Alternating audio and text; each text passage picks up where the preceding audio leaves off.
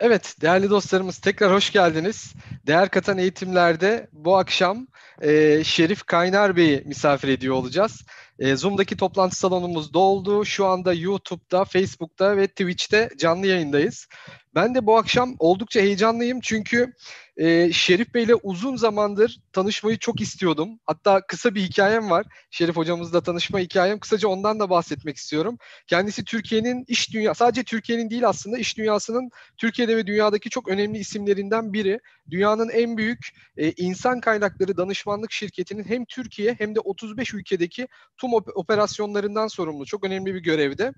E, tabii ben yıllarca Şerif Bey'i konferanslarda, seminerlerde canlı olarak dinleme şansım da oldu ve kendime şunu söylüyordum. Bir gün Şerif Bey'le bir yerde bir tanışma şansım olacak. Bakalım ne zaman diyordum kendime.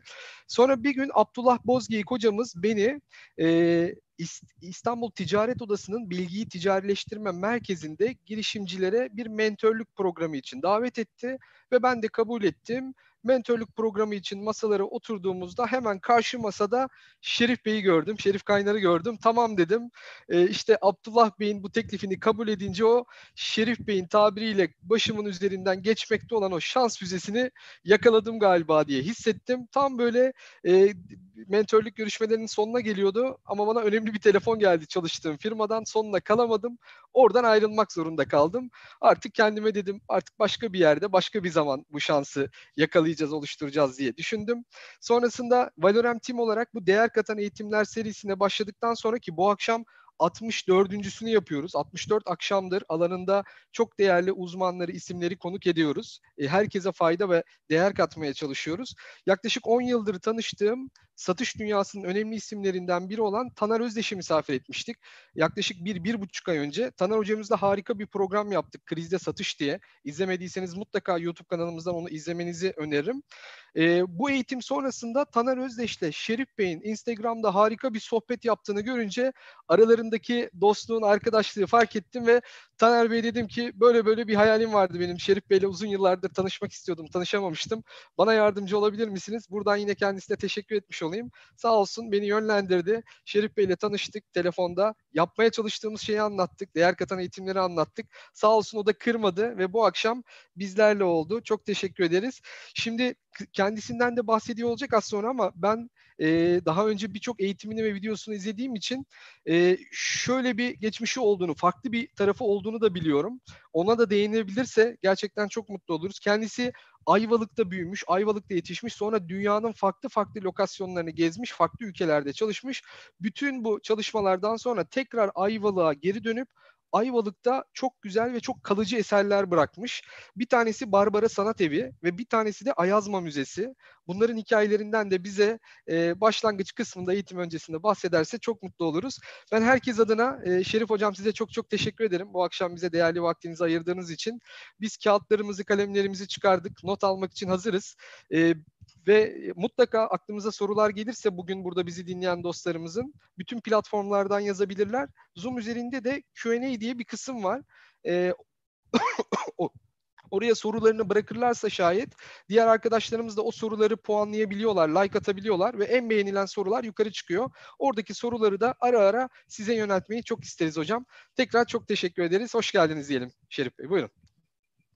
Evet. Ee, Beni bu programa çağırdığınız için teşekkür ediyorum. Ee, ve e, herkes katılanlara da teşekkür ediyorum. Böyle bir sıcak e, Haziran gecesi çok daha enteresan işler yapılabilirdi. Ama siz kendinize bir değer katmak için bir eğitime katılıyorsunuz. Buna üç kere teşekkür ediyorum. Şimdi bugünkü konumuzun başlığı kariyerdeki tuzaklar. Bu kime yönelik bu eğitim? Ee, 21 yaşında üniversiteden yeni mezun biri de olabilir. Lisede okuyan biri de olabilir. 70 yaşında bir kişi de olabilir. Yani her insana ait bir çünkü ben bir beyin avcısıyım. 80 yaşındaki bir kişiyi çok önemli bir bankanın yönetim kuruluna yerleştirmiş biriyim. O yüzden yani 80 yaşında dahi adaylarım oluyor. Bunu söylemek istiyorum başta. Şimdi e, kariyerde herkesin bir, bir, bir kere bu, bu, bu tip eğitimleri üniversitelere veriyorum. E, iş e, iş dünyasına veriyorum. Telekom şirketlerine, bankalara ve ana amacım insanlara birazcık kariyerin aslında e, hiçbir zaman istenilen gibi gitmediğinin olduğunu söylemek, onu istenilen şekle sokmanızın sizin elinizde olduğunu anlatmak. Neler yapılırsa o kariyer sizin istediğiniz şekilde oluyor. Şimdi bir kere ilk başta birinci şeyim söylemek istediğim insanlar aile mi önemli, iş mi önemli diye hep böyle ikili alıyorlar. Ben diyorum ki eğer iş hayatınız iyi olursa tüm aile hayatınız da iyi olur. Onun için iş hayatınıza çok önem verin diyorum. Herhangi birine mesela e, bu iş hayatı ne olabilir? Ressamsınız, resim yaptığınız bir stüdyo olabilir. Veya kendi işiniz var, e, marangozsunuz. Ama ürettiğiniz yerdeki mutluluk sizin sosyal hayatınız ve aile hayatınızda da mutluluk getirecektir. Onun için diyorum ki iş hayatına önemseyin. Bütün hayatınız boyunca ve o ürettiğiniz müddetçe de siz mutlu olacaksınız. Eğer işiniz yok, hiçbir şey üretemiyorum derseniz onun için de tavsiyelerim var. Sonunda yani bir yerde geleceğim ona. Şimdi birincisi e, bizim hayatımızda bir kitap. Başta başlıyoruz kitaba. En sonunda da son yazıyor kitabın. Kitap bitiyor. Bunun içine kitaba renk katmak bizim elimizde. Sonunda da e, bizim de e, kariyer hayatımız bir yerde başlıyor, bir yere kadar gidiyor. Şimdi neler e, yapılırsa bu kariyerde bir de dünyada da şöyle bir e, herkes de biliyor ki dünya bir artık global bir e, dünya oldu. Bir köyden çıktı. Herkes her tarafı ve yetenek savaşı son 20 senede en önemli konu oldu. Dünya Ekonomik Forumu'ndan başkanı Klaus Schwab diyor ki artık diyor ülkelerin geleceği parlak ülkeler diyor en yetenekli insanları bünyesine çekebilen kişiler olacak diyor. Yani e, petrolün olması önemli değil. E, çok büyük e, e, güzel denizlerinin olması önemli değil. En yetenekli insanları çekemezsen o yer, güzel denizleri kimseye satamıyorsun. Onun için bizim e, birinci odamız insan, insan odaklı. İnsanı her konuda da insanı ön plana koyan ülkeler ve şirketler öne çıkacak. Yani konumuz insan. Şimdi e, kariyerde de e, benim gördüğüm e, bir takım hatalar var. Ve en büyük hatalar o. E, birincisi e, yani e, ilk baştan başlayacağım. E, birinci iş çok önemli. Gençlere söylüyorum bunu. Çünkü yanlış bir trene binerseniz çok yanlış yerlere gidebilirsiniz. Aslında şunu da ilkten on, başka bir şey daha söyleyeyim. Ne okuduğunuz hiç önemli değil. Önemli olan sizin kendinize güveniniz. Çünkü insanların yüzde 95'i okuduklarıyla alakalı bir iş yapmıyorlar. Yüzde 95'i. Yani e, ben kimya mühendisiyim. Birinci işimi kimya mühendisi olduğum için buldum. Ve ilk iki sene bu mühendislik yaptım. Ama sonradan beni şirket Afrika'ya yolladı.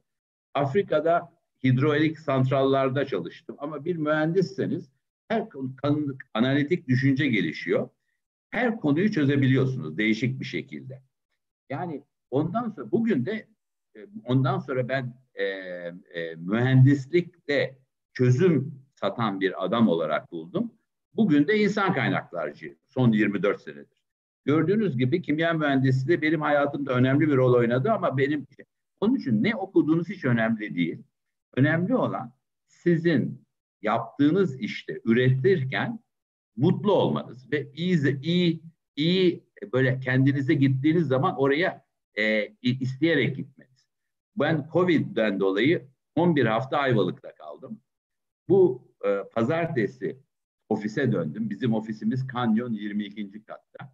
İçeri bir girdim, böyle müthiş, müthiş bir mutluluk hissettim. O gri halıları gördüm. Böyle bir, tabii biz aşağı yukarı 70 kişiyiz ama 15 kişi vardı ofiste. Hala evden çalışmaya. Ama oraya gitmek, o insanları görmek beni mutlu etti. Onun için ben bir kere bir de bir parantez açayım. Çünkü e, gün, gündeme de taşımak istiyorum. Tabii ki dijitalleşeceğiz ama ne eğitimde ne işte yüzde yüz dijital bir dünya olmayacak. İkisinin ortağı olacak. Bir hocanın talebelerin gözüne bakarak eğitim yapması bambaşka bir şeydir. E, dijital. Ama tabii ki dijital hayatımızın parçası olacak. Bunu daha çok kullanacağız. Ama orta yolu bulacağız. Her şeyde olduğu gibi. Şimdi birinci konu kariyer bir satranç tahtasıdır. Satranç oynayanlara bilenler at ileri de gider, geri de gider.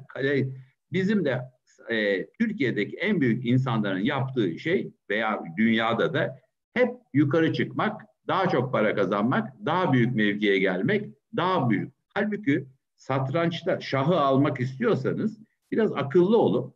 Bazen bir geri gideceksiniz. Atı geri çekeceksiniz. Orada görüyorsunuz ileride başka bir boşluk var. At oraya gidebilir. Şimdi kariyerde de bazen bir alt mevkiye geçmek veya biraz daha az paralı bir işe geçmek. Bir kere en önemli nokta şu. Bundan 30 sene önce dünyada bir insan sen, bütün kariyeri boyunca iki şirket değiştiriyordu. Hatta bir şirkette çalışıyordu. Emekli olurken de oğlunu o şirkete sokuyordu.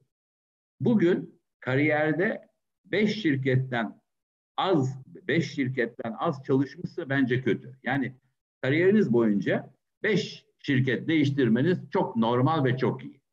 Niye? Çünkü dünya öyle bir değişim içinde ki her şey değişiyor. Sizin yaptığınız şirket e, yok veriyor. Ben Westinghouse ilk hayatımın ilk işi Amerika'nın ikinci büyük şirketi Westinghouse'tu. Yani General Electric vardı bir de Westinghouse. Dünyanın nükleer santrallarının yüzde yetmişini yapmış. Böyle Amerika'ya Pittsburgh'teydi merkezi. Giderdim Pittsburgh'e. Her tarafta W, Westinghouse. Ben derdim dünyanın en büyük şirketine geldim. Nefis bir yerde. Bu şirket yok oldu. Bugün dünyada Westinghouse diye bir şirket yok. Halbuki alternatif e, motoru bulan şirket de bu Westinghouse'dur. Ee, Bey bir ekleme yapmak istiyorum burada. Birkaç tabii. gün önce insan kaynakları ile alakalı özel bir hocamızla eğitim yaptık. Bize e, iş değiştirme sürelerinin özellikle yeni nesilde, genç nesilde 6 ayın altına düştüğünü ve bunun normal olduğunu anlattı. Yani kariyerine yeni başlayan biri muhtemelen 4-5 ay bir şirkette çalışıyor. Sonra 4-5 ay yeni bir şirket, 4-5 ay yeni bir şirket diye yeni nesilde galiba bu süreler daha da kısalmaya başlıyor. Doğru ama bir size de ben bir kendi e, itirafımı söyleyeyim. Benim önüme bir CV geldi. Beş, e, bu kişi 30 yaşında, 7 senedir çalışıyor. 7 senede 7, 7, 7 tane iş değiştirmişse ben onu sorgularım. Neden sorgularım? Çal- belki çok gerçekçi sebepleri. Şirketleri doğru seçemediğiniz için sorgularım. Yani bir tanesinde olur, iki tane de. Bakın bunu çok değişik yerlerde söylüyorum. Başarılı insanda en çok neye bakarım derseniz CV'de. Tek bir yerde değil, iki ayrı yerde başarı kazanmış insanlara çok önem veriyorum. Yani mesela burada başka bir şey yapmış, öbür tarafta başka bir yer. Tek alanda başarı da bana yeterli gelmiyor. Ama işte benim de söylemek istediğim o altı defa yedi, yani yedi senede yedi işte çok fazla. Bir bunun ortası var. Ama e, bütün hayatı boyunca aynı şirkette çalışmış ama hep değişik büyük pozisyon yani öğrenmiş, devamlı öğrenmiş. Yani burada çok önemli bir e, clue veriyorum, e, ipucu. Öğrendiğiniz müddetçe siz kendinizi büyütüyorsunuz. Yani bir hani e, savaşa giden insanlar böyle eskiden orta çağda kalkanlar giyerlerdi ki karşının bıçakları. Siz bir, bir lisan öğrendiğiniz zaman o bir kalkan. Yeni bir işte, yeni bir şey, bir, satıştasınız, biraz finans öğreniyorsunuz, o da bir kalkan. Birazcık insan kaynaklarına geçin diyor, o da bir kalkan. Mesela çok kimse, çok önemli satıcılar hiçbir zaman insan kaynaklarını düşünmezler. Halbuki insan kaynakları konusunda e, üç sene geçe bu, bu dikkat ettim sizde konuşmacılardan biri Ali Rıza Ersoy Siemens'te müthiş genel müdürlük yapıyordu. Birdenbire insan kaynaklarına geçti. Yani bu satranç dediğim bu. Kariyeri de bir satranç tahtası gibi göreceksiniz. Ve ilerlerken de üzerinize kalkanlar ilave etmeye çalışacaksınız.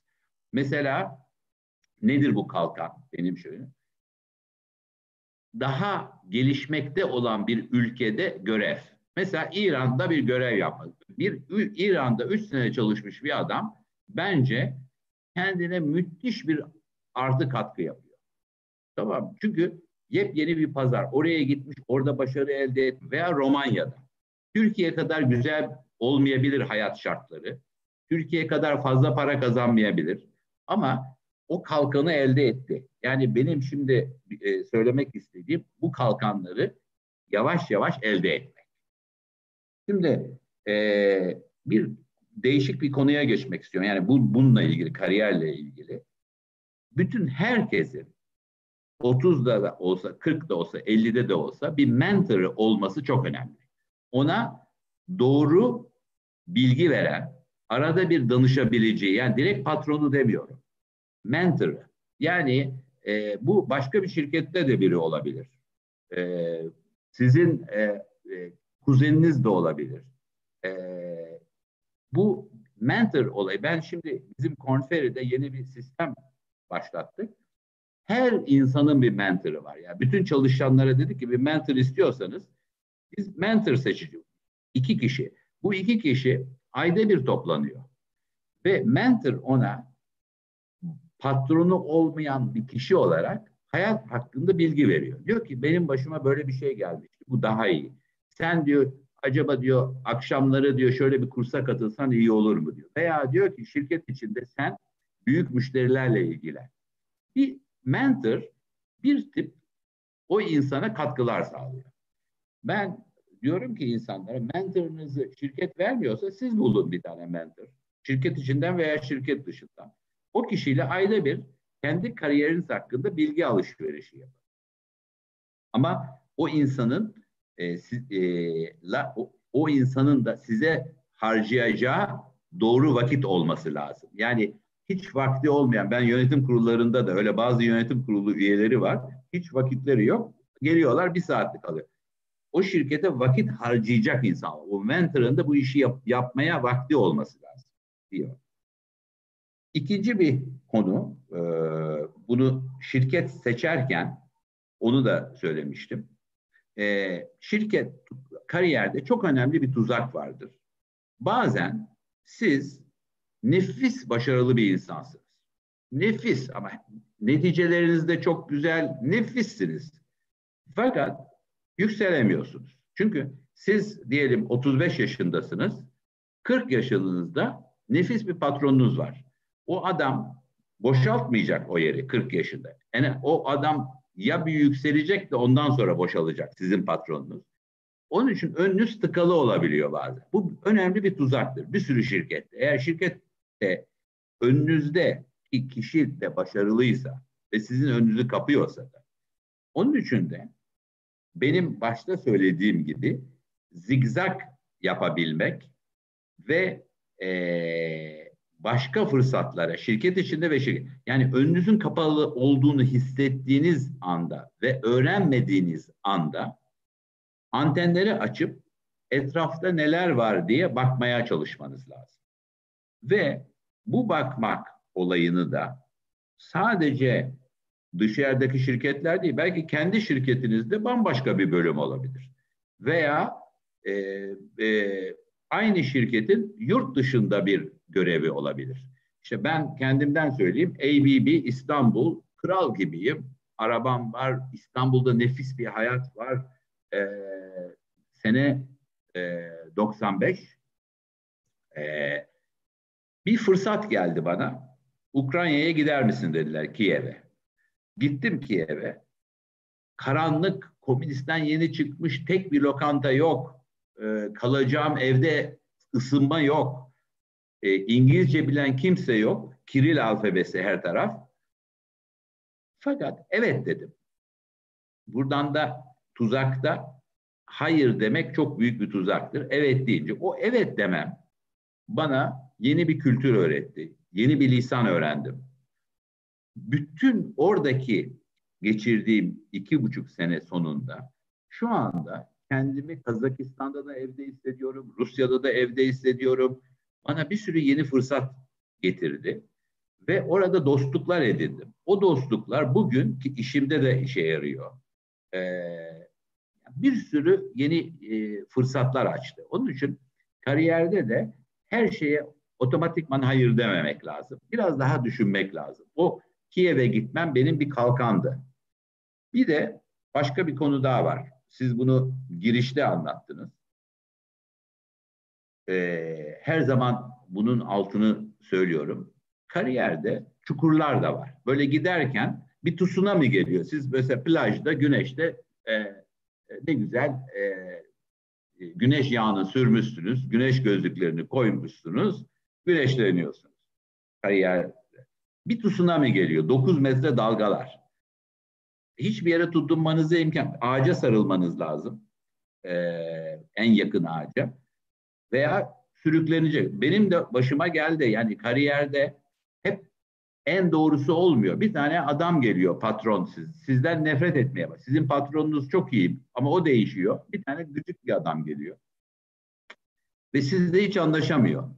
Onun için de ben yeniden başlamayı, sıfırdan denemeyi de çok önemli bir şey. Bir sürü kimse e, ya o kötü kişiyle idare etmeye çalışıyor ya da ben bittim diye her şeyden vazgeçiyor. Yani ben bir e, kaybedenim. Kaybetmek benim aldıma yapıştı. Benim değerimi alır. Ama ben de diyorum ki orada da e, bu çukurlar hep var. O çukurlardan çıkmak da biraz size ait. Size ait nasıl ait? Ben anlatacağım şimdi çok güzel. Ee, e, mesela benim e, fırsatları yakalamak için biraz analize ve çalışmak yapmak lazım. Şimdi Ernst Young'ın her sene e, çıkardığı bir e, rapor var. Son 12 ayda hangi şirketler kimlere satılmış? Yeni satılmış olan şirketlerin içlerinde her zaman büyük fırsat vardır. Çünkü yeni biri almış. E, şu anda da Covid sonrası da müthiş fırsatlar var. Niye biliyor musunuz? Covid'den sonra şirketler kendi yeteneklerini bir üst düzeye çıkabilmek için büyük bir fırsat. Çünkü çok yönetici çıktı boşa. Şirketler birleşiyor. Bazı şirketler yok oluyor. Bu, bu bütün bu olayın içinde. Ve şirketlerin elinde de bir fırsat var. Kendi, eskiden yetenek seviyesi diyelim 10 üzerine 7 idi. Bunu 9 yapmaya kendisinin şeyi var. Daha az parayla daha çalışkan, daha enteresan yeteneklerini yükseltmek için bir fırsat olacak Covid. Onu da buradan altını çizeyim. Şimdi e, o Ernst Young raporunu ben A to Z incelerim. Kim gelmiş, nereye gitmiş. Orada hep fırsat vardı. Yeni müşteri, yeni bir şey.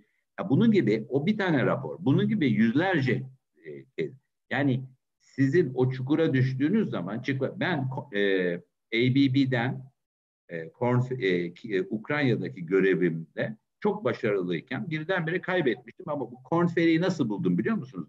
Korn Ferry'e ben mektup yazdım. Dedim ki e, siz de dedim benim dedim başarılı bir yöneticiyim. Kiev'de çalışıyorum. Bu ABB'yi yönetiyorum. Fakat işim sona eriyor. Ne yapabiliriz? Ee, başka nerelerde bana görev verebilirsiniz dedim. Onlar beni Londra'ya çağırdılar. Bir e, Varşova'da Zeiss firmasının bir rejyonel müdürlüğü için beni e, mülakat yapan adam dedi ki Richard Good ya dedi sen Zeiss firması için dedi boş ver onu Varşova'ya gitmeyi dedi.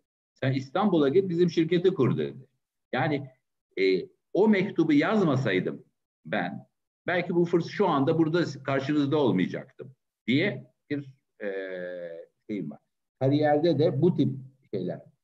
E, her zaman için yine bir tuzak olarak görüyorum.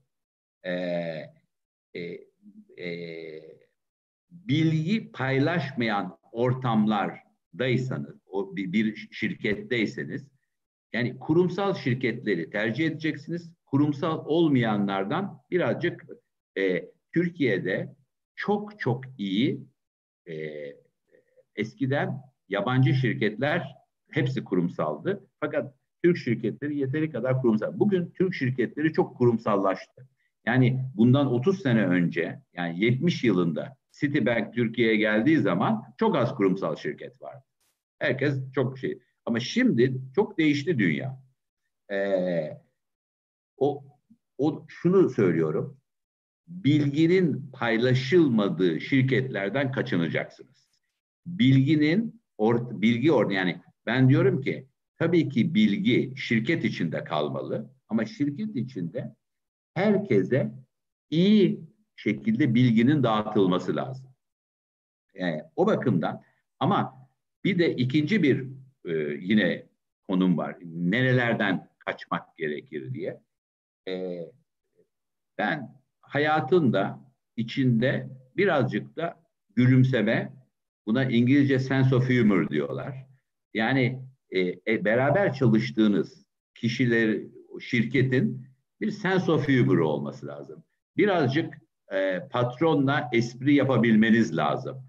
Onunla e, yani e, diktatör tipi patronların olduğu yerden kaçmanız lazım. Eğer otokratik diktatör bir patron varsa onu yok edin. Yani siz kaçın diyorum. Çünkü e, birazcık sert oldu ama bir tane daha tuzak var. Bütün herkesin hayatında bir şirkette çalışırken bir sürü başka fırsat geliyor önüne. Diyor ki mesela adam bir çikolata şirketinde çalışıyor ve çikolata şirketi onu Afrika'ya yolluyor satış için. Orada Afrika'dayken bir çimentocuyla tanışıyor. Ya diyor sen gitmişken bak çok önemlidir. Şirketinize karşı yüzde yüz sadık olup ona bütün eforunuzu ona vermek. Etik liderlik. Dünyada Arthur Anderson gibi bir dev yok oldu. Enron gibi bir dev yok oldu. Çünkü yöneticileri yeteri kadar etik değildi. Yani bazı şeyleri halının altına süpürüyorlardı. Ben diyorum ki Pamuk Prenses'ten daha beyaz olun. Olmazsanız tuzaktır o. Hiç bir gün yani belki iki sene size iyi para kazandırır ama hiç tahmin etmediğiniz üç sene sonra oradaki adam bir bilgiyle sizin kariyerinizi mahvedebilir. Onun için çok buna önem veriyorum. Ee, e, ve diyorum ki e, haftası ama e, mesai zamanınızda eğer bir yerde profesyonel çalışıyorsanız ama bu etik olayı da mesela ne biliyor şeye de veriyorum. Siz tekstil üreticisiniz, patronsunuz. Bir tane e, defolu mal çıktı. Onu satmayacaksınız, çöpe atacaksınız. Yani e, etik olayı e, müşterilere karşı, size e, tedarikçilerinize karşı, çalışanlarınıza karşı komple bir konsept. Hemen buradan dünyada müthiş bir değişim oluyor. O, bunu hemen oradan aklıma geldi, onu söyleyeyim.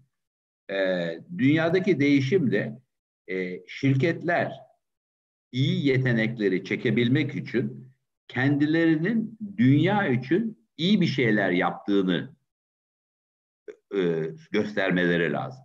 Mesela kömürle çalışan bir santralda mı çalışırsınız, rüzgar enerjisinde mi çalışırsınız? Tabii ki rüzgar enerjisi tercih.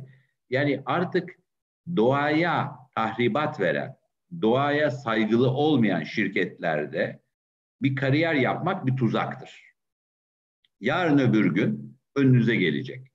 Hatta e, eskiden çalışmış olsanız bile öyle bir şirkette o uzun vadede size bir e, onu temizlemek için yapacağınız efor büyük efor olmuş oluyor. E, devamlı şunu söylüyorum. Eğer öğrenmeyi hiçbir zaman durdurmayacaksınız. Durdurduğunuz anda en büyük tuzaktır. Hep yeni bir şeyler öğrenmeye, yeni peşinde koşacaksınız. Ee, şirketin e, yaptığı ürünler, şirket mesela bizim şirketimiz Korn Ferry, Hey Group diye bir şirketle birleşti. Hey'in çok yeni ürünleri vardı.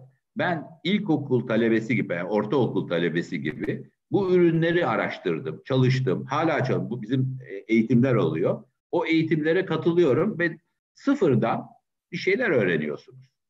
Onun için e, tu, o tuzağa da katılmama, girmemek lazım. Başka bir tuzakta bütün hayatınızı şirkete de e, vermek. O da çok büyük bir yanlıştır.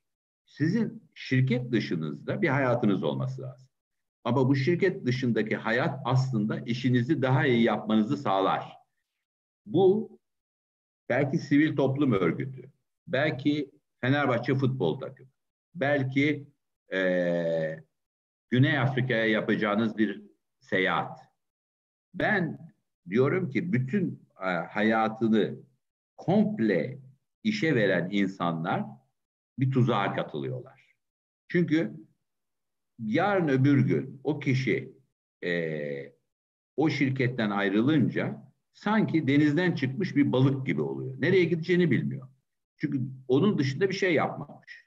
Yani sadece o şirketleri. Halbuki dünyada sizin başka şirketlerle de ilgilenmeniz lazım. Hobilerle ilgilenmeniz lazım. Sivil toplumla. Ve buradan şuna geliyorum network'ünü sağlam tutmayan kişi tuzağa giriyor. Network sağlam tutmak için de şirket dışında da network yapmanız lazım. Biliyorsunuz e, network sayesinde bütün dünya değişiyor. Yani insanlar e, Harvard Business School'da tanıdığı, niye e, gidiyorlar Harvard Business School'a? Orada bitiren kişi iyi iş buluyor diye değil. O bir sene beraber okuduğunuz 30 kişi var ya, onların hepsi bir yerlere geliyor. Mıknatıs gibi birbirlerini çekiyorlar. Ve birbirleriyle mü- müthiş işler yapıyorlar. Ya Harvard'da öğrendikleri ilerideki hayatlarının yüzde onuna yani çok daha az o network onları bambaşka bir yere taşımış oluyor. Buradan Taner Özdeş hocamıza geleceğim. Taner Özdeş'le tanıştığım zaman e, boğazı geçiyordu yüzerekten. E, hala da yapıyor o işi. E, onun tutkusu satıştır.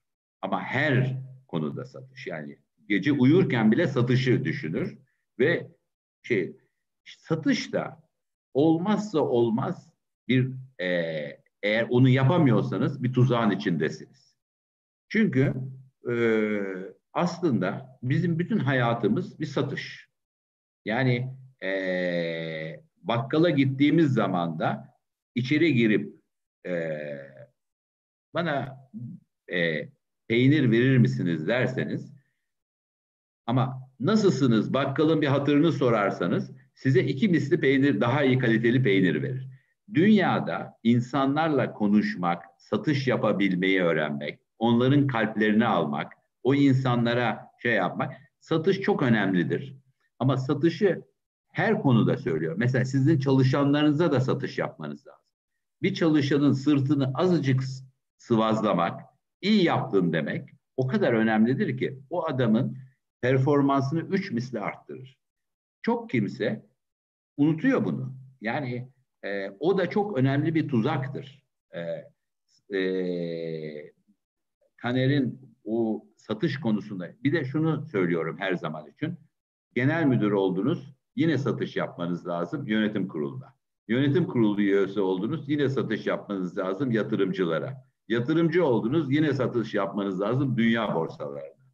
Yine yani bir bunun bir sonu yok. Onun için siz finanstaysanız da, insan kaynaklarıysanız da, üretimdeyseniz de gidip bir 15 günlük satış e, eğitimine katılın.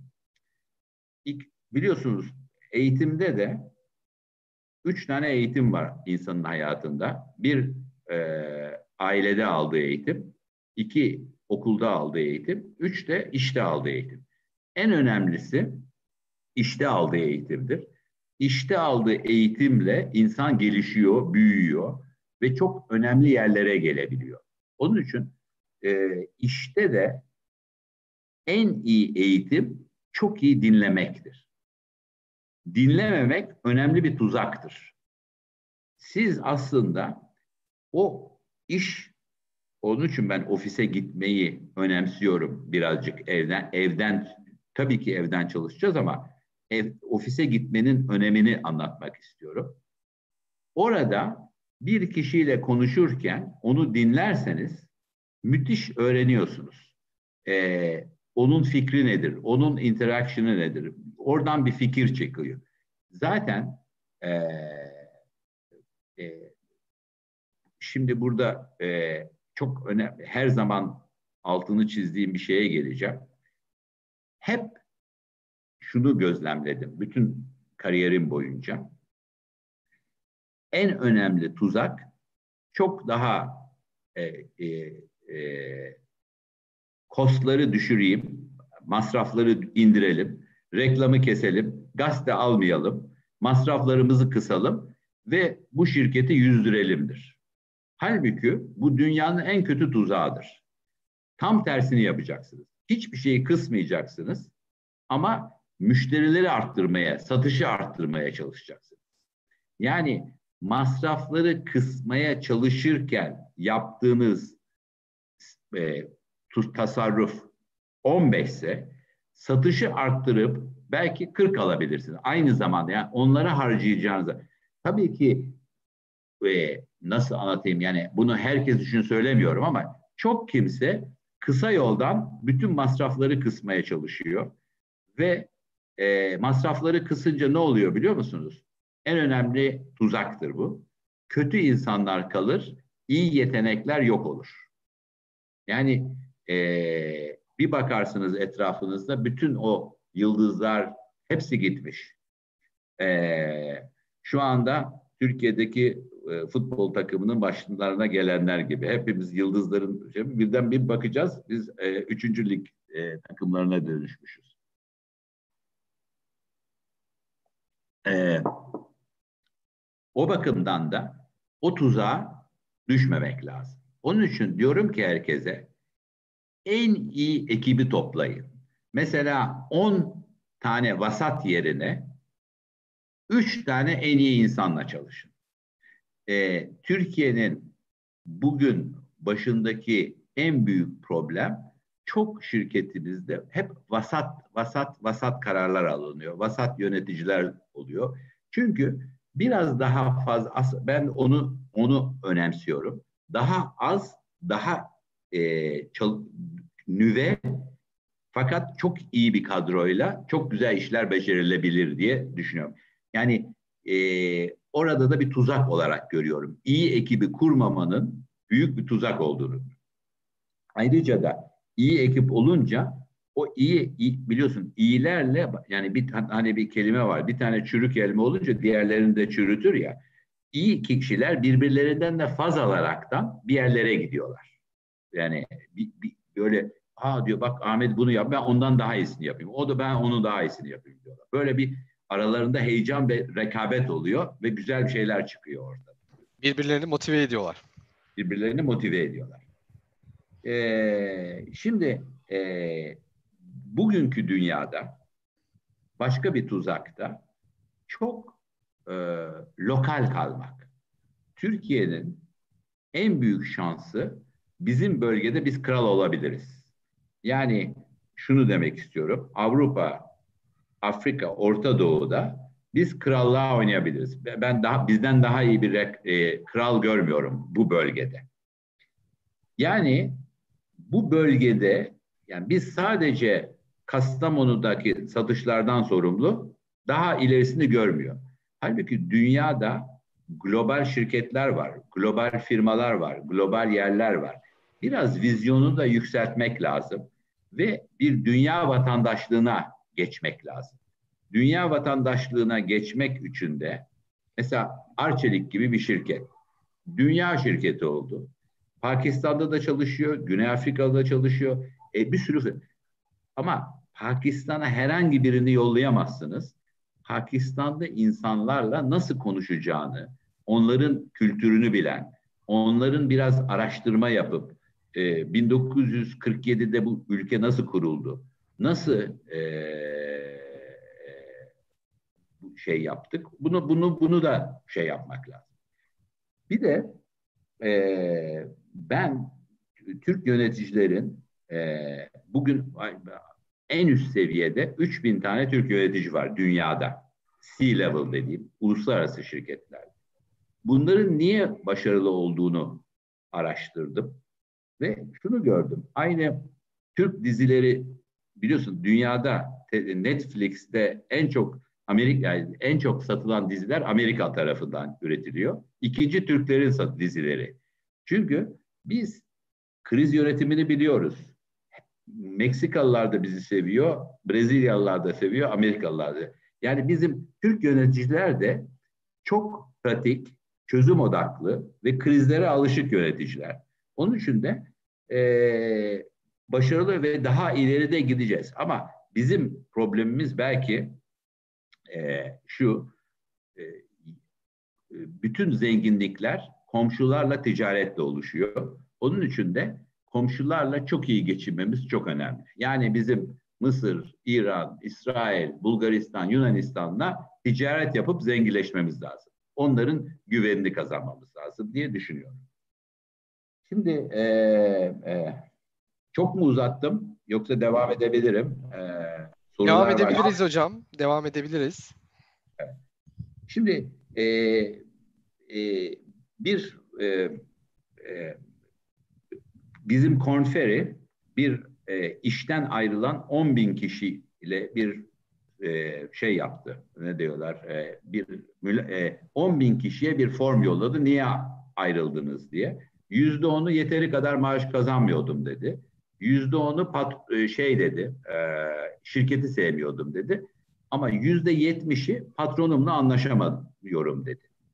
Onun için de e, uzlaşma kültürünün yani insanlarla anlaşabilmenin de önemli bir e, tuz, tuzak olduğunu diyorum. Yani sert mizaç. Biliyorsunuz bugün biz e, beyin avcısı olarak her sene çok kişi, çok kişiyle mülakat yapıyoruz ve bir o kişinin işe doğru adam olup olmadığını bulmaya çalışıyoruz. Bunu buna bakarken finans bir yöneticisi arıyorsak finans bilgisinin olup olmadığı, başka nerede başarılar yapmış ona bakılıyor. Başka CV'si ne bakıyoruz, ne başarılar yapmış. Ama bunlar işin e, e, kıs, bir kısmı. Bir de öbür kısmı var. Yani adamın karakteri nasıl, neşeli mi, insanlara sempatik mi, soft kısımları dediğim işte. Onlar bugün çok önem kazandı. Yani insanın e, o kişi kendini o kısımlarda da geliştirmesi. Demin biraz önce dedim dünyalı insan olmak. Yani e, uluslararası bir ortamda diğer insanların beğenisini kazanabilmeyi becerebilmek. E, biraz alçak gönüllü olmak. Bugün e, bir de benim e, çok liderlik üzerine çok önemli eğitimlerim var iyi lider nasıl olunur diye. Orada da hep şunu altını söylüyorum. Her insan doğuştan liderdir. Fakat bunu geliştirmesi lazım. Geliştirmesini de e, bir veya iyi liderin e, tanımı nasıl derseniz e, egosu küçük, e, bilgiyi paylaşan, kapısı açık ve insan yetiştiren kişi liderdir. Mesela en iyi CEO'ya benim en iyi e, yönetici kimdir diye baktığım zaman altından en fazla yöneticiyi üst seviyelere taşımış kişiye ben iyi yönetici diyorum. Yani orada da çok önemli bir tuzaktan bahsediyorum.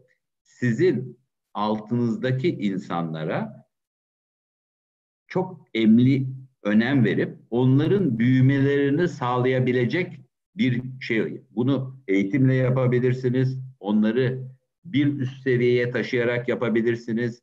Onlara değişik bir görev yaparak verebilirsiniz. Ama iyi bir altından bir kişinin birkaç kişi çıkmışsa Mesela Koç Holding'i çok başarılı buluyorum. Çünkü hep güzel yöneticiler yetişti altta ve oradan çıkanlar bugün Türkiye'de yüzlerce KOBİ'yi yönetiyor. Çok büyük şirketleri yönetiyorlar. Yani oradan çıkıp devlete gitmişler, orada başarılı olmuşlar. Yani e, e, birazcık da burada da e, bir tane daha önerim var. E, iyi bir kişi gördünüz şirkette.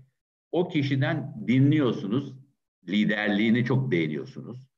Onun yanında yeteri kadar vakit ay- ayıramıyorsun. Fakat o kişiyi biraz daha e, ne yaptığına dikkat edip onu birkaç birkaç yerde söylüyorum. Onu taklit dahi edebilirsiniz. Yani e, bir, e, mesela o kişi e, e, kitap okuyorsa kitap okuyor. Onun okuduğu kitapları okuyor. Yani birazcık iyi bir lideri takip edip onun yaptıklarını, sizin beğendiğiniz bir lideri takip edip onun yaptıklarına benzer işler yapmanın kötü bir yol olmadığını düşünüyorum. Yani yakında olan bir şeyden çok e, şimdi bir konu daha var. Bu da bir tuzak. Şirketin de ruhu vardır. Her şirketin bir ruhu vardır. Kötü ruhlu e, bir e, şirkette kalmışsanız da onu da değiştirmeniz lazım. Şimdi e, ve bu şirketlerin ruhu değişebilir. Mesela e, bir şirket çok iyi ruhlu bir şirket daha büyük bir şirketle birleşiyor. Aynı ruh kalmıyor. Yani e, iyi ruhlu şirketi tanımlayın deyin. Tanımlıyorum. İnsanlarına önem veren şirket iyidir. Yani odağına insanı koyarsanız mesela bir adamı kovuyorsunuz. Kovduğunuz zaman onu çağırıp niye kovduğunuzu izah eden bir şirketseniz iyi şirketsiniz. Çünkü ona önem veriyorsunuz. Diyorsunuz ki ya geldin, burada çalıştın ama şu şu sebeplerden başarısız oldun. Olabilir. Ve her nasıl anlatayım? Her kararda doğru değildir. Yani en iyi, en güzel şirketlerde yanlışlık kararlar verebiliyor. Belki siz çok iyi birisiniz ama o adam yanlış karar verdi sizin hakkınız. O da olabilir. Onun için e, diyorum ki e, bu hayat roman diyorum. Bu romanın içinde e, sizin karşınıza o o romanı iyiye doğru çevirmek, okuyabilmek için sizin e, birazcık e, e, onu yönlendirmeniz lazım. Yönlendirmek için başka bir tuzakta e, kutu içinde düşünmeyeceksiniz, kutu dışında düşüneceksiniz arada. Yani şunu söylemek istiyorum. Hiç düşün, düşünülmeyen bir konuyu dahi e, e, eğer hayal gücünüz varsa geliştirebilirsiniz. Biliyorsunuz hayal gücüyle mesela benim e, e, diyelim ki e, bu benim e, başıma geldi. E, e, ilk e, Westinghouse'da Londra'da bir iç satış pozisyonuna çağırmışlardı. Ben sadece formları giriyordum. Bir pozisyon vardı Libya'da, Zuara'da bir e, de, e, su arıtma tesisi. Oranın e, satış işi için ben elimi kaldırdım ve 23 yaşında Libya'da Zuara'daki o deniz suyunu arıtıp su e, gelen pozisyona atandım. Yani arada bir de hayal gücünüzü çalıştırıp başka ne olabilir diye bir şeyler düşünmeniz lazım. Ee, bir de e, onu da diyorum. E, sürprizler de çok önemli. İyi bir kişinin değişik sürprizler yaratması lazım. Benim Michel Akavi diye bir arkadaşım var, sınıf arkadaşım. DHL'in Türkiye Genel Müdürüydü ve buradan büyüdü, Fransa DHL Genel Müdürü oldu. O kimse düşünmezken dedi ki ben dedi bütün e, yöneticilerime DHL'de cuma akşamları 20'şer dakika omuz masajı yaptıracağım. Bir masör getirdi, omuz masajı.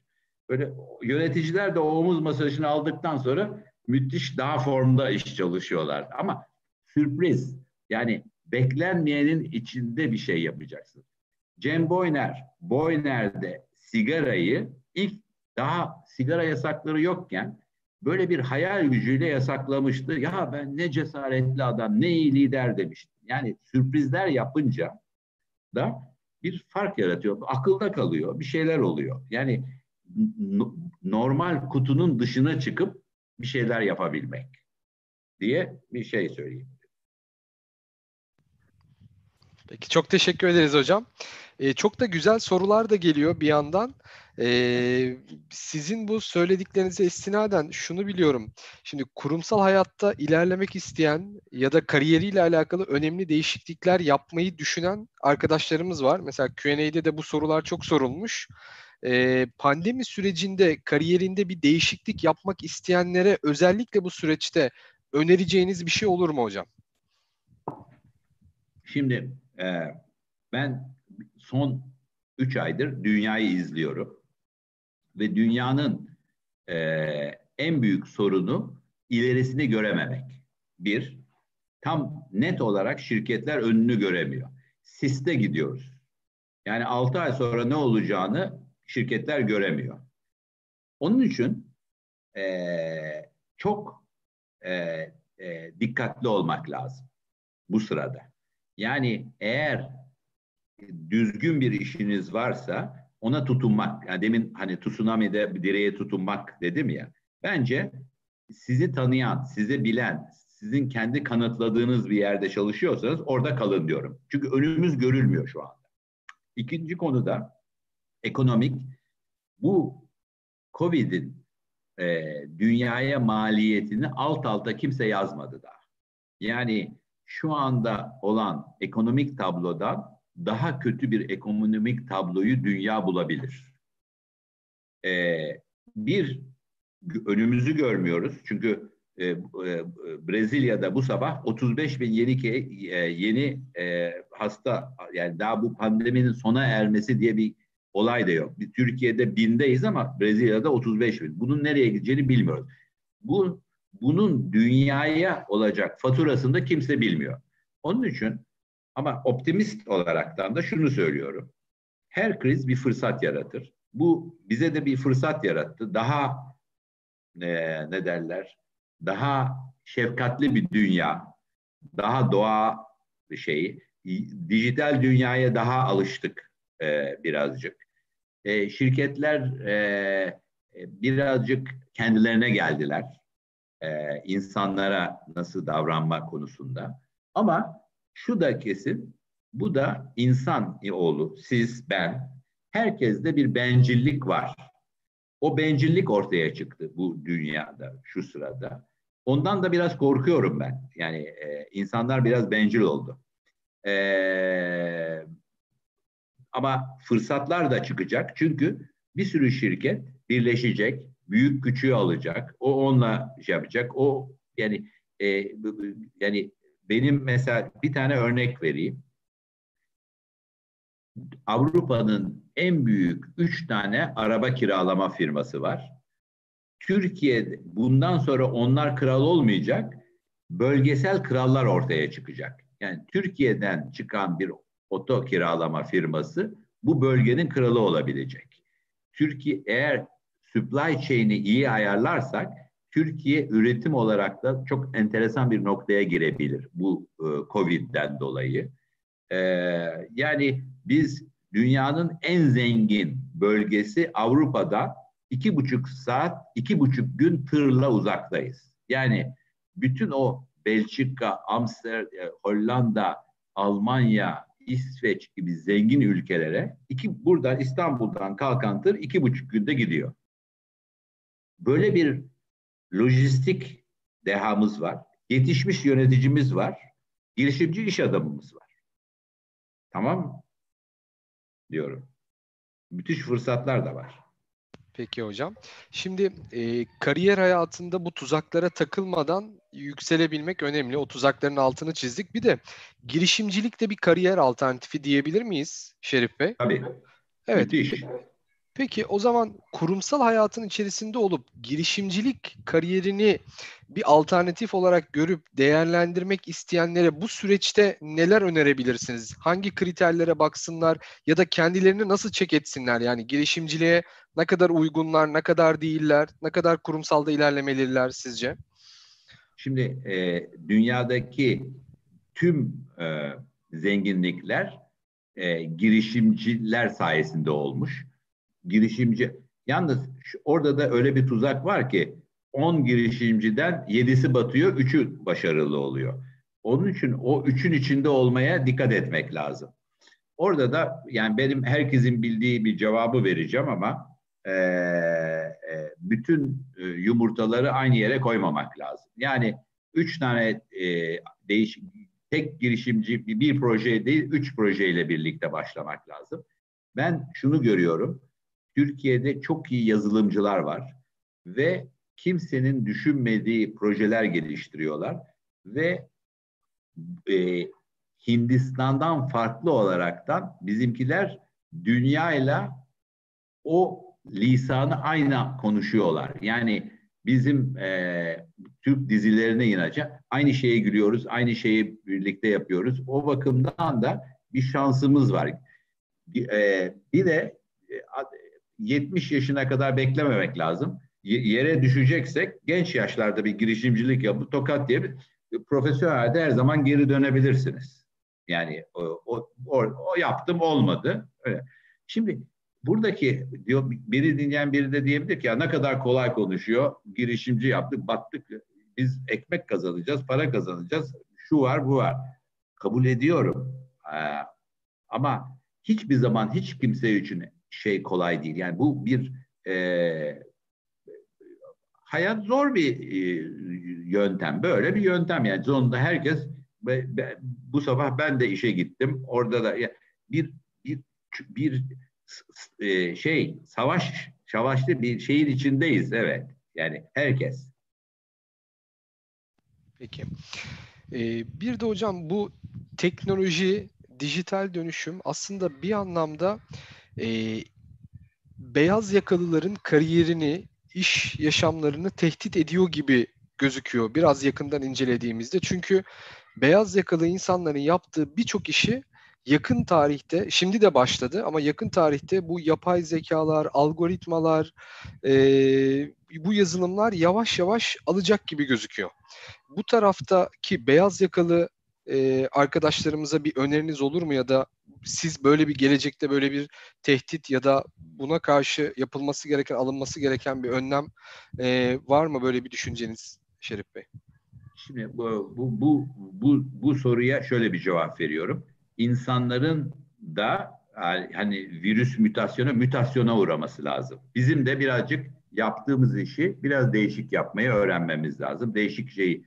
Beyaz ben e, odağımıza insanı koyduğumuz zaman hiçbir en iyi e, artificial intelligence dahi insana ihtiyacı var. İnsansız hiçbir şey olmuyor. Sonunda e, ben de diyorum ki siz kendinize güvenmek diye ben beyaz e, yaka çalışanım. iyi biri olduğunu mu düşünüyorum. Kendinize güvenirseniz e, bu e, tabii ki ben başka şeylerimde hep yazıyorum onu. Biraz da şansınız olması lazım. Yani mesela e, multimilyoner bir kadınla evlenirsiniz. Bir daha çalışma ama o kadın iki ay sonra kanser olur tekrar sıfıra dönersiniz. Yani birazcık da sizin de e, e, bu fırsatların dediğim gibi hem öğrenmek hem de kendini değiştirmek. Ama artificial intelligence'ın hepimizin işini yok edeceğini düşünmüyorum. Peki. Şimdi dostlarımızdan bir tanesi sormuş. E, mentörlük önemli dediniz. Mutlaka herkesin iş hayatında bir mentörü olsun e, demiştiniz. Peki sizden böyle bir mentörlük, koçluk almayan almak isteyen dostlarımız var. Böyle bir şey mümkün mü size ulaşsalar ya da sizin toplu mentörlük, koçluk verdiğiniz programlar var mı hocam takip etseler? Ee, şöyle, e, ben zaten Sabancı Üniversitesi'nde iki kişiye e, ayrıca bizim şirketten iki kişiye bir tanesi İstanbul ofisinde bir tanesi Suudi Arabistan'da e, ayrıca da Sen Josef'liyim ben. Bizim sınıf arkadaşlarımla bir şeyimiz. Yani bir sürü yerde yapıyorum. Bir iki kişi ama bunu 50 kişi ne dedim zamanı olması lazım. Bir de e, diyorum ki e, o mentor belki o adamın kuzeni belki o şirketteki insan kaynakları yani kolay erişebileceği biri olması lazım. Ama ben e, çok değişik yerlerde, platformlarda eğitimler yapıyorum. Üniversiteler, Yeditepe Üniversitesi'nde konuştum. Yani benim de iki yerde aktifim. Twitter'da ve LinkedIn'de. Buradan takip ederlerse başka bir mecrada yokum. Ee, bir sürü eğitime katılabilirler. Yani bir ay sonra bir tane daha eğitimim olacak. Hepsi Twitter'da ve LinkedIn'de var. Ayda bir bir eğitim veriyorum. Ve eğitimlerimin en sonunda da tek cümleyle bitiriyorum. Bugün beni dinlediniz. Müthiş şeyler öğrendiniz. Her şeyi unutun. Ama bir şeyi unutmayın diyorum. Tek bir şey. O da cömert olun diyorum. Ben not almıştım hocam. Sizin e, 12 başarının 12 e, anahtarı dediğiniz o sırrı dediğiniz şeyin içerisindeki 3 tanesi var. Onun altını defalarca çiziyorsunuz. Öğrenmeye meraklı olmak, açık olmak çok önemli diyorsunuz. Sonra saygılı olmak çok önemli ve cömert olmak. Yani bu üçü o 12'nin içerisinde ayrı bir yere e, koyuyorsunuz. Evet. Ben de birkaç sefer izledim o e, TEDx sunumunuzu. Gerçekten oradan da alacağımız, öğreneceğimiz çok fazla şey var. Hocam şimdi çok değerli sorular geliyor.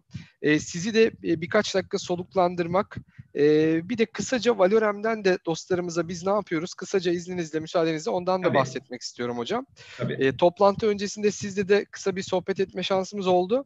Valorem Latince'de değer anlamına geliyor biz kendimize, çevremize ve ülkemize değer katmaya odaklı bir takım kuruyoruz ve bu kurduğumuz takımı da bir iş platformunun üzerine koyuyoruz. Ee, teknoloji, inovasyon ve girişimcilik odaklı yeni nesil bir danışmanlık platformu inşa ediyoruz. Bunu yaparken de hocam az önce söyledik ya Türkiye'nin gerçekten çok yetenekli mühendisleri var, çok yetenekli yazılımcıları var.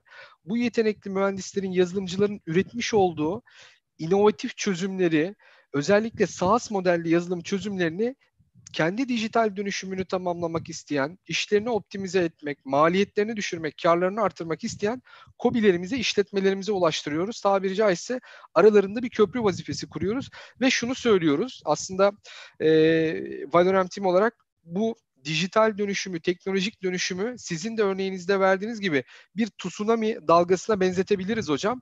Bu tsunami dalgası Covid öncesinde belki 3-5 yıl vardı ama şimdi Covid sonrasında bu süreç hızlandı. Çok hızlı bir şekilde üzerimize geliyor.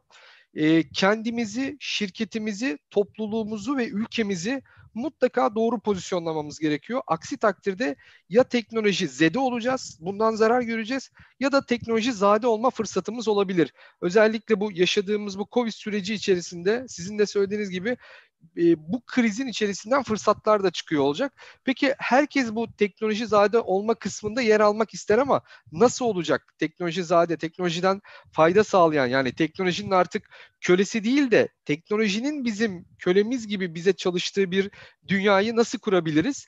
Bunu da cumartesi akşamı saat 21.30'da masaya yatırıyor olacağız. Çok değerli benim de e, mentörüm ve şimdi de Valorem Team'i birlikte inşa ettiğimiz Ahmet Cezmi Göbüt hocamızla birlikte şu soruların cevabını arayacağız. Yazılımların, algoritmaların, yapay zekaların çalıştığı ve bizlerin gelir elde ettiği bir dünya, bir gelecek mümkün mü? Kendi gelir modelimizi emek tabanlı bir modelden teknoloji tabanlı bir gelir modeline nasıl geçirebiliriz? Bu teknolojik dönüşümün, dijital dönüşümün e, getirdiği fırsatlar nedir? Nasıl görebiliriz? Riskler nedir? Bunlardan nasıl kaçınabiliriz? Çünkü şu bir gerçek, e, dünyadaki bütün meslekler çok büyük bir hızla değişiyor. Eskisinden daha da büyük bir hızla.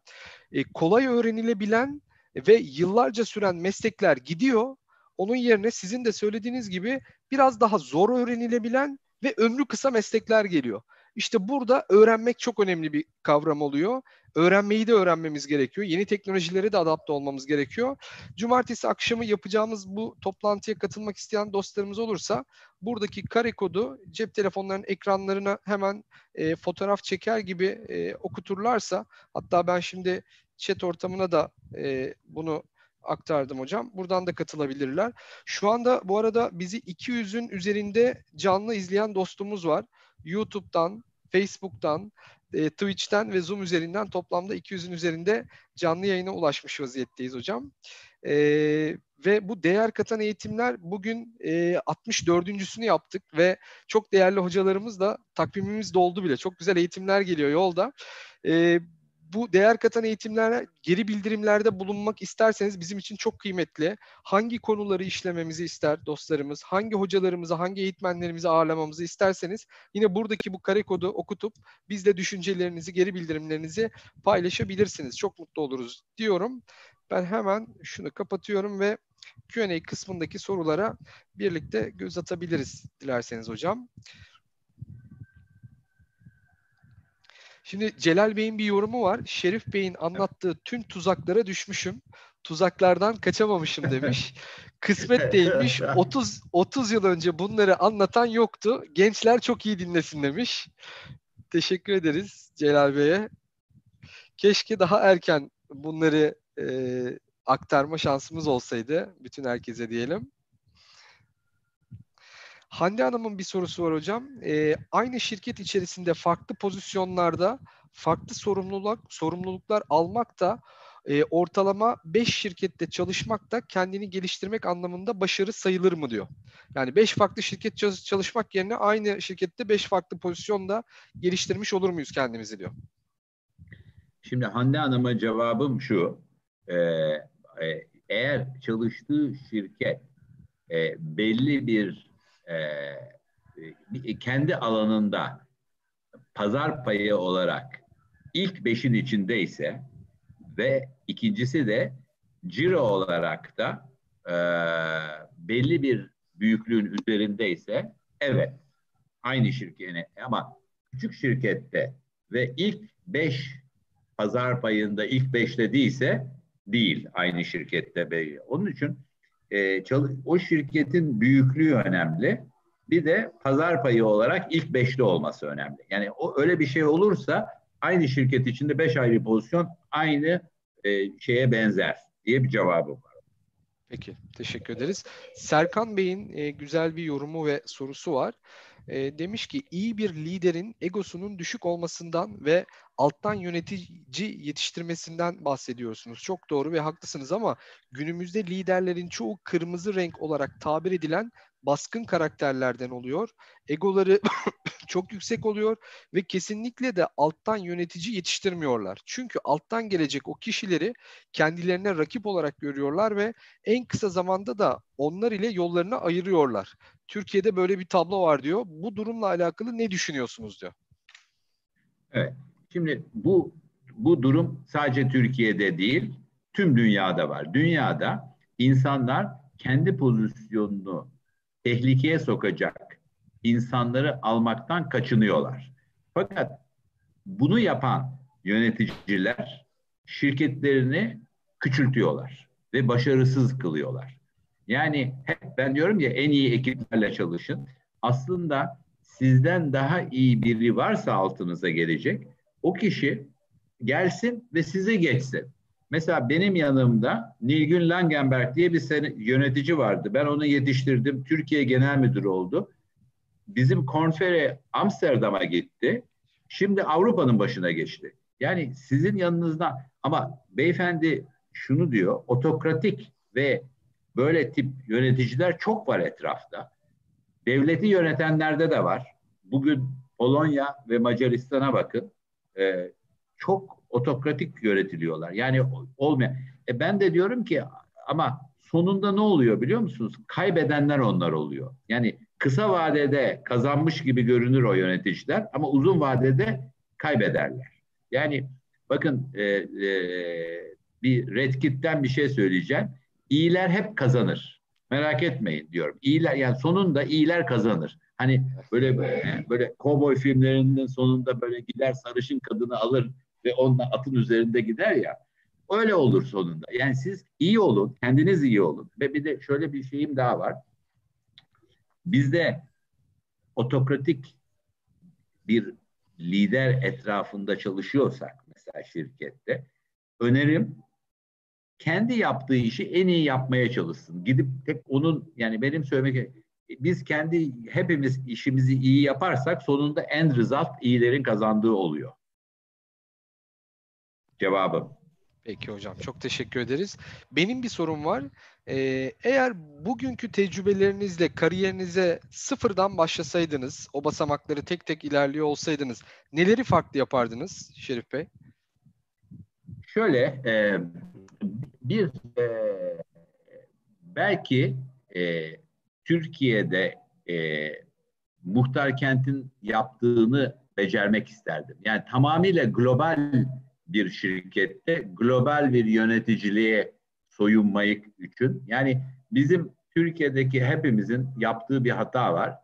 Dönün dönünce ya İstanbul'da Kadıköy'deki şeyler çok güzel. E, gemilerimiz çok güzel. Plajlarımız güzel. Dünya ülkeleri Türkiye'ye dönüyoruz. Sevdiklerimiz burada. Birazcık dünya globalinde bir e, pozisyonda olup öyle bir şeylerde kalmak yani benim hedefim olurdu. Bir daha sıfırdan başlasaydım. Peki. Teşekkür ederiz hocam. Hemen şurada. Bu arada hem canlı izleyen sayısı artıyor hem sorular artıyor hocam. Ee, şimdi 20'nin üzerinde soru var. Hızlı hızlı şöyle bir bakalım.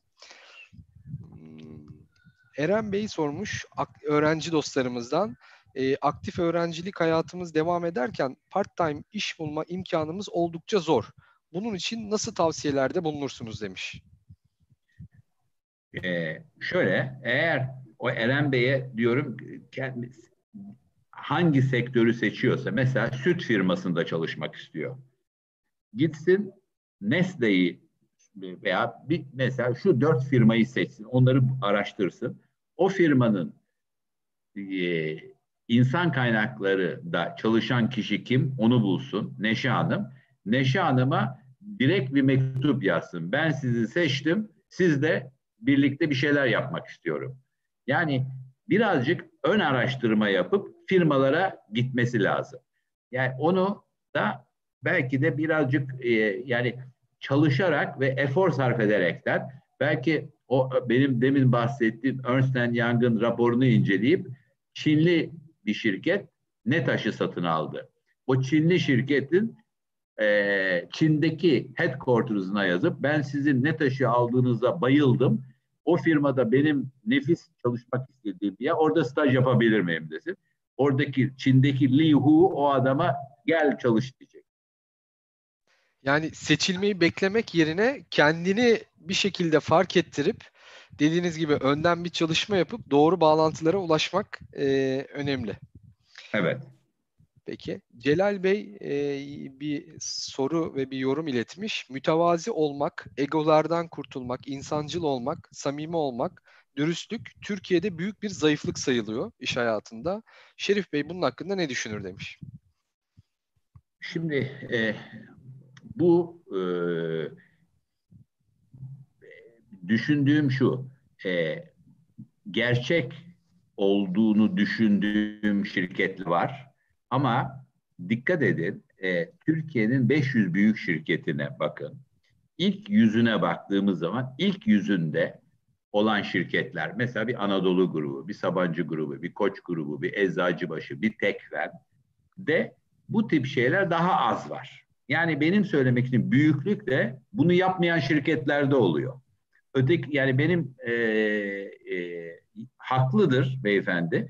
Biz de bir e, biz şeye göre çok daha ilerideyiz. E, Mısır'a göre çok daha iyi durumdayız. Mısır'da herkes daha kötü. Yani. Ama e, Rusya'ya göre de daha iyiyiz. Ama Fransa'ya göre daha ya, yavaş yavaş biz de bir yerlere geldik bizim e, bu bu bir evolüsyon, revolüsyon değil, evolüsyon. Yavaş yavaş yapılacağız diye düşünüyorum. Bu programı izleyen de belki buradan bir şey alıp değişecek diye düşünüyorum. Yani karamsar olmayalım. Biraz daha bardağı yarı dolu o, o kişiyi değiştireceğiz. Biz de öyle olacağız diye düşünüyorum.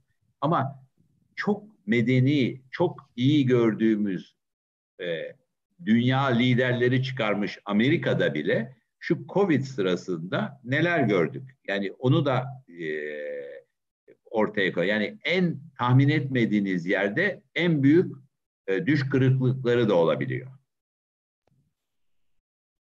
Evet. Onun için e, Türkiye'nin ben bir şansı olduğunu düşünüyorum. Çünkü e, çok kapitalist değiliz. Çok biraz merhametliyiz. E, biraz devletçiyiz. Bir, bir sürü şey var yani. Biraz daha insancılız. Aile kuramları birbirine yani en kötü ihtimalle teyzene gidersin orada kalırsın. Yani bir şey var. E, birbirine destek olan bir toplum şeyi var. Ama e, beyefendiye de katılıyorum. E, her şeyde toz pembe değil. Türkiye'de çok kötü örnekler de var. Çok büyük egolar var. Çok büyük egolar. Benim müşterilerimden görüyorum bazen. E, onlarla da çalışamayız demiyorsunuz. Çünkü evet yaparız diyorsunuz. Oluyor yani. Evet. Peki Şerif Bey, e, YouTube'dan bir soru var. Profesör Doktor Melahat Dönmez hocamız, kendisi Sigara ile Savaşanlar Derneği Başkanı. Onunla da önümüzdeki günlerde bir eğitim yapacağız. E, sigaradan inşallah birçok insanı kurtarmayı hedefliyoruz birlikte. O demiş ki, fütürist değilim ama e, geleceğin meslekleriyle alakalı Şerif Bey ne düşünür? E, paylaşabilir mi bizimle demiş hanımefendiye yaptığı efordan dolayı teşekkür ediyorum. Hakikaten ben hiç sigara kullanmadım e, ve aktif olarak da e, Cem Boyner örneğini verdim. Beni çok etkilemişti o toplantımda. Geleceğin mesleği tek cümleyle anlatıyorum. Çözüm ortaklığı olacak. Yani kimse araba satmayacak, mobility satacak. Evde hizmet sektörü ve çözüm ortaklığı. Yani şunu demek istiyorum. Mesela e, biz e, Libya'ya gideceğiz. Diyeceğiz ki biz size şu kadar buğdayı garanti ediyoruz. Ama o buğdayı garanti etmek için gerekli suyu, e, ziraat mühendislerini ve şeyi biz getireceğiz. Yani çözüm üreteceğiz. Yani bir anlaşma yapacağız Libya ile. Onlara şu kadar buğday ton üretmeyi öğreteceğiz. O bir çözüm getireceğiz onlara. Onların yer altında kalan su gölleri var. Onları kullanaraktan, gaz türbinleri kullanaraktan orayı e, e, sulayacağız, gübreleyeceğiz, buğdayı getireceğiz ve buğdayı vereceğiz onlara ama karşılığında bütün olay çözüm ortaklığı gelecekle ilgili meslek. Peki Melahat hocamız bir de eklemiş. E, acaba demiş bilgisayar, robotlar, yapay zeka ve psikoloji bunlarla alakalı ne düşünüyor Şerif Bey demiş. Ee, eğer 20 yaş daha genç olsaydım her şeyi bırakıp onlar hakkında bir e, master yapardım. yapay zeka. yani ama e, onu e, görüyorum. Yani bugün e, şeye gittim. Bedrettin Dalan'ın yarattığı muhteşem bir üniversite var. Yeditepe Üniversitesi. Oraya gittim. Laboratuvarlarında neler yaratmışlar yapay zekayla. Yani orada gözlerimle gördüm yani. Evet süper. Bir de ben sormak istiyorum. Notlarımın arasında vardı Şerif Bey e, sizin Ayvalıklı olduğunuzu ve Ayvalık'ta çok güzel şeyler yaptığınızı, bir Ayvalık tutkunuz olduğunu biliyoruz. Biraz o evet. tutkunuzdan bahseder misiniz bize? Yani Ayvalık'ta olan dostlarımız da var. Ayvalık'ı da çok seviyoruz. Şimdi anneannem ve dedem Midilli'den doğma. Annem de Ayvalıklı doğma. Ben de çocukluğumdan beri yazları Ayvalık'ta geçiriyordum.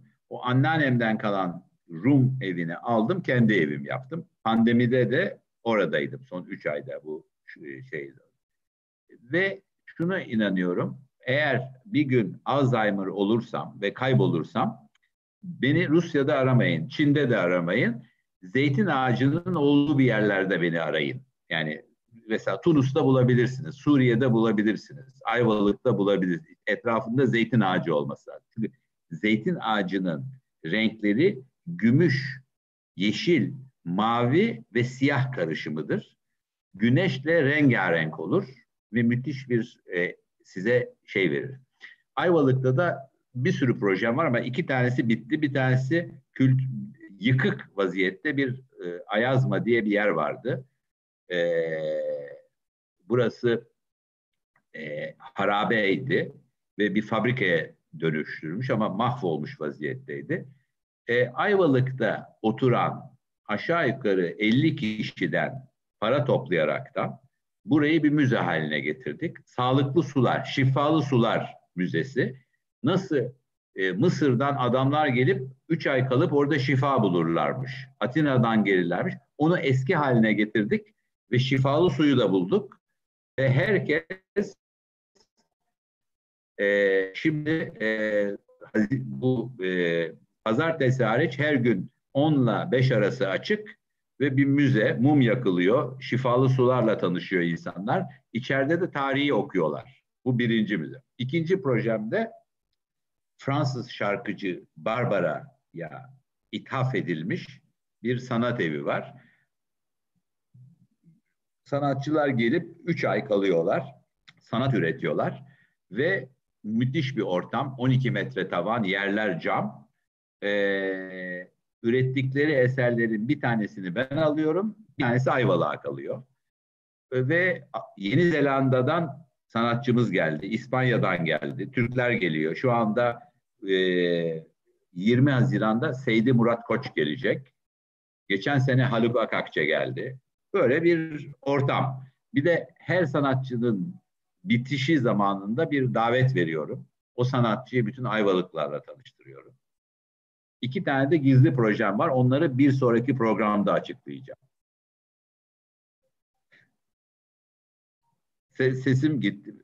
Sizin sesiniz gelmiyor. Tamam şimdi son bir soru daha sormak istiyorum. İnşallah o son, bir sonraki... Ayrılmam lazım. Evet. Tamam. E, e, belki bir sonraki programı yine birlikte yapma şansımız olur. E, peki Şerif Bey'in kariyer planı bundan sonra önümüzdeki yıllarda neler yapıyor olacak? Biraz e, gelecekle alakalı planlarınızdan belki o iki proje haricinde bahsedebilir misiniz? Şimdi e, tabii benim planım şu.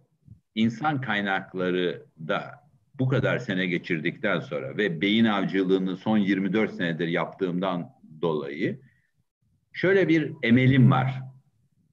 E, kamu sektöründe yani kamu dediğim zaman Türk Hava Yolları, İSKİ, Türk Elektrik Kurumu yani devletin yönet sahibi olduğu Türkiye Varlık Fonu'nun sahip olduğu Halkbank, Merkez Bankası gibi yerlerde de eğitimlerle insan kaynakları konusunda e, gelişimleri sağlamak üzere bir şeyim var. Çünkü özel sektörde e, hız çok ilerledi. Kamuda bu e, yeteri kadar hızlı gitmedi. E, o bakımdan yani Türkiye e, devlet demir yollarının liderlerinin de özel sektör kadar başarılı olması lazım. TCDD'nin. Benim de önümüzdeki e, metodumda bu, böyle bir çalışma yapmak istiyorum. Bunları nasıl daha iyiye getirebiliriz diye. Çok optimist miyim bilmiyorum ama bir projem var. Süper. Peki merakla bekliyoruz. Çok teşekkür ederiz.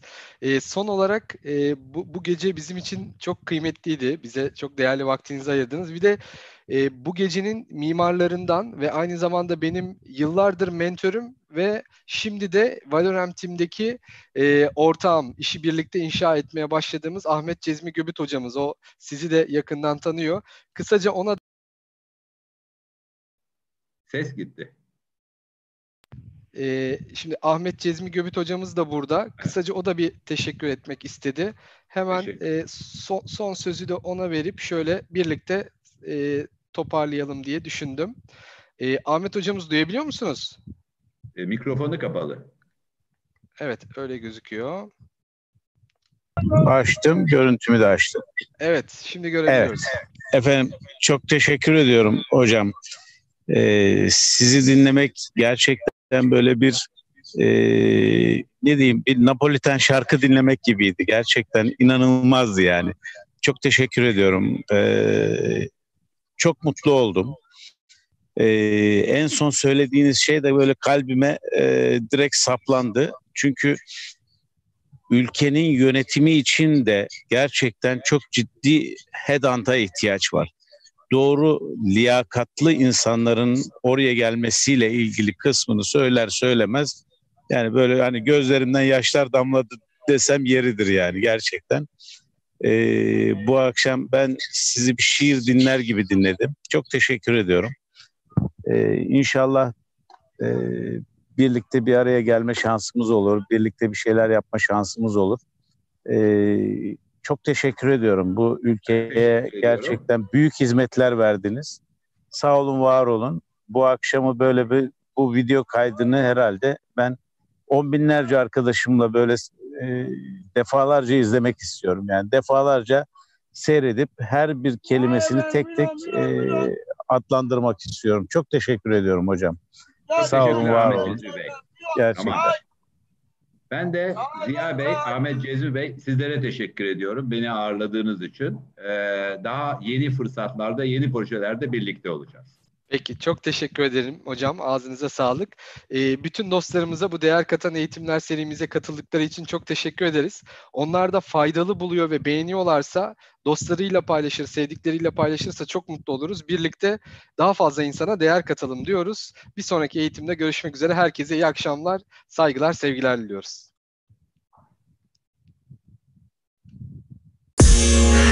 Thank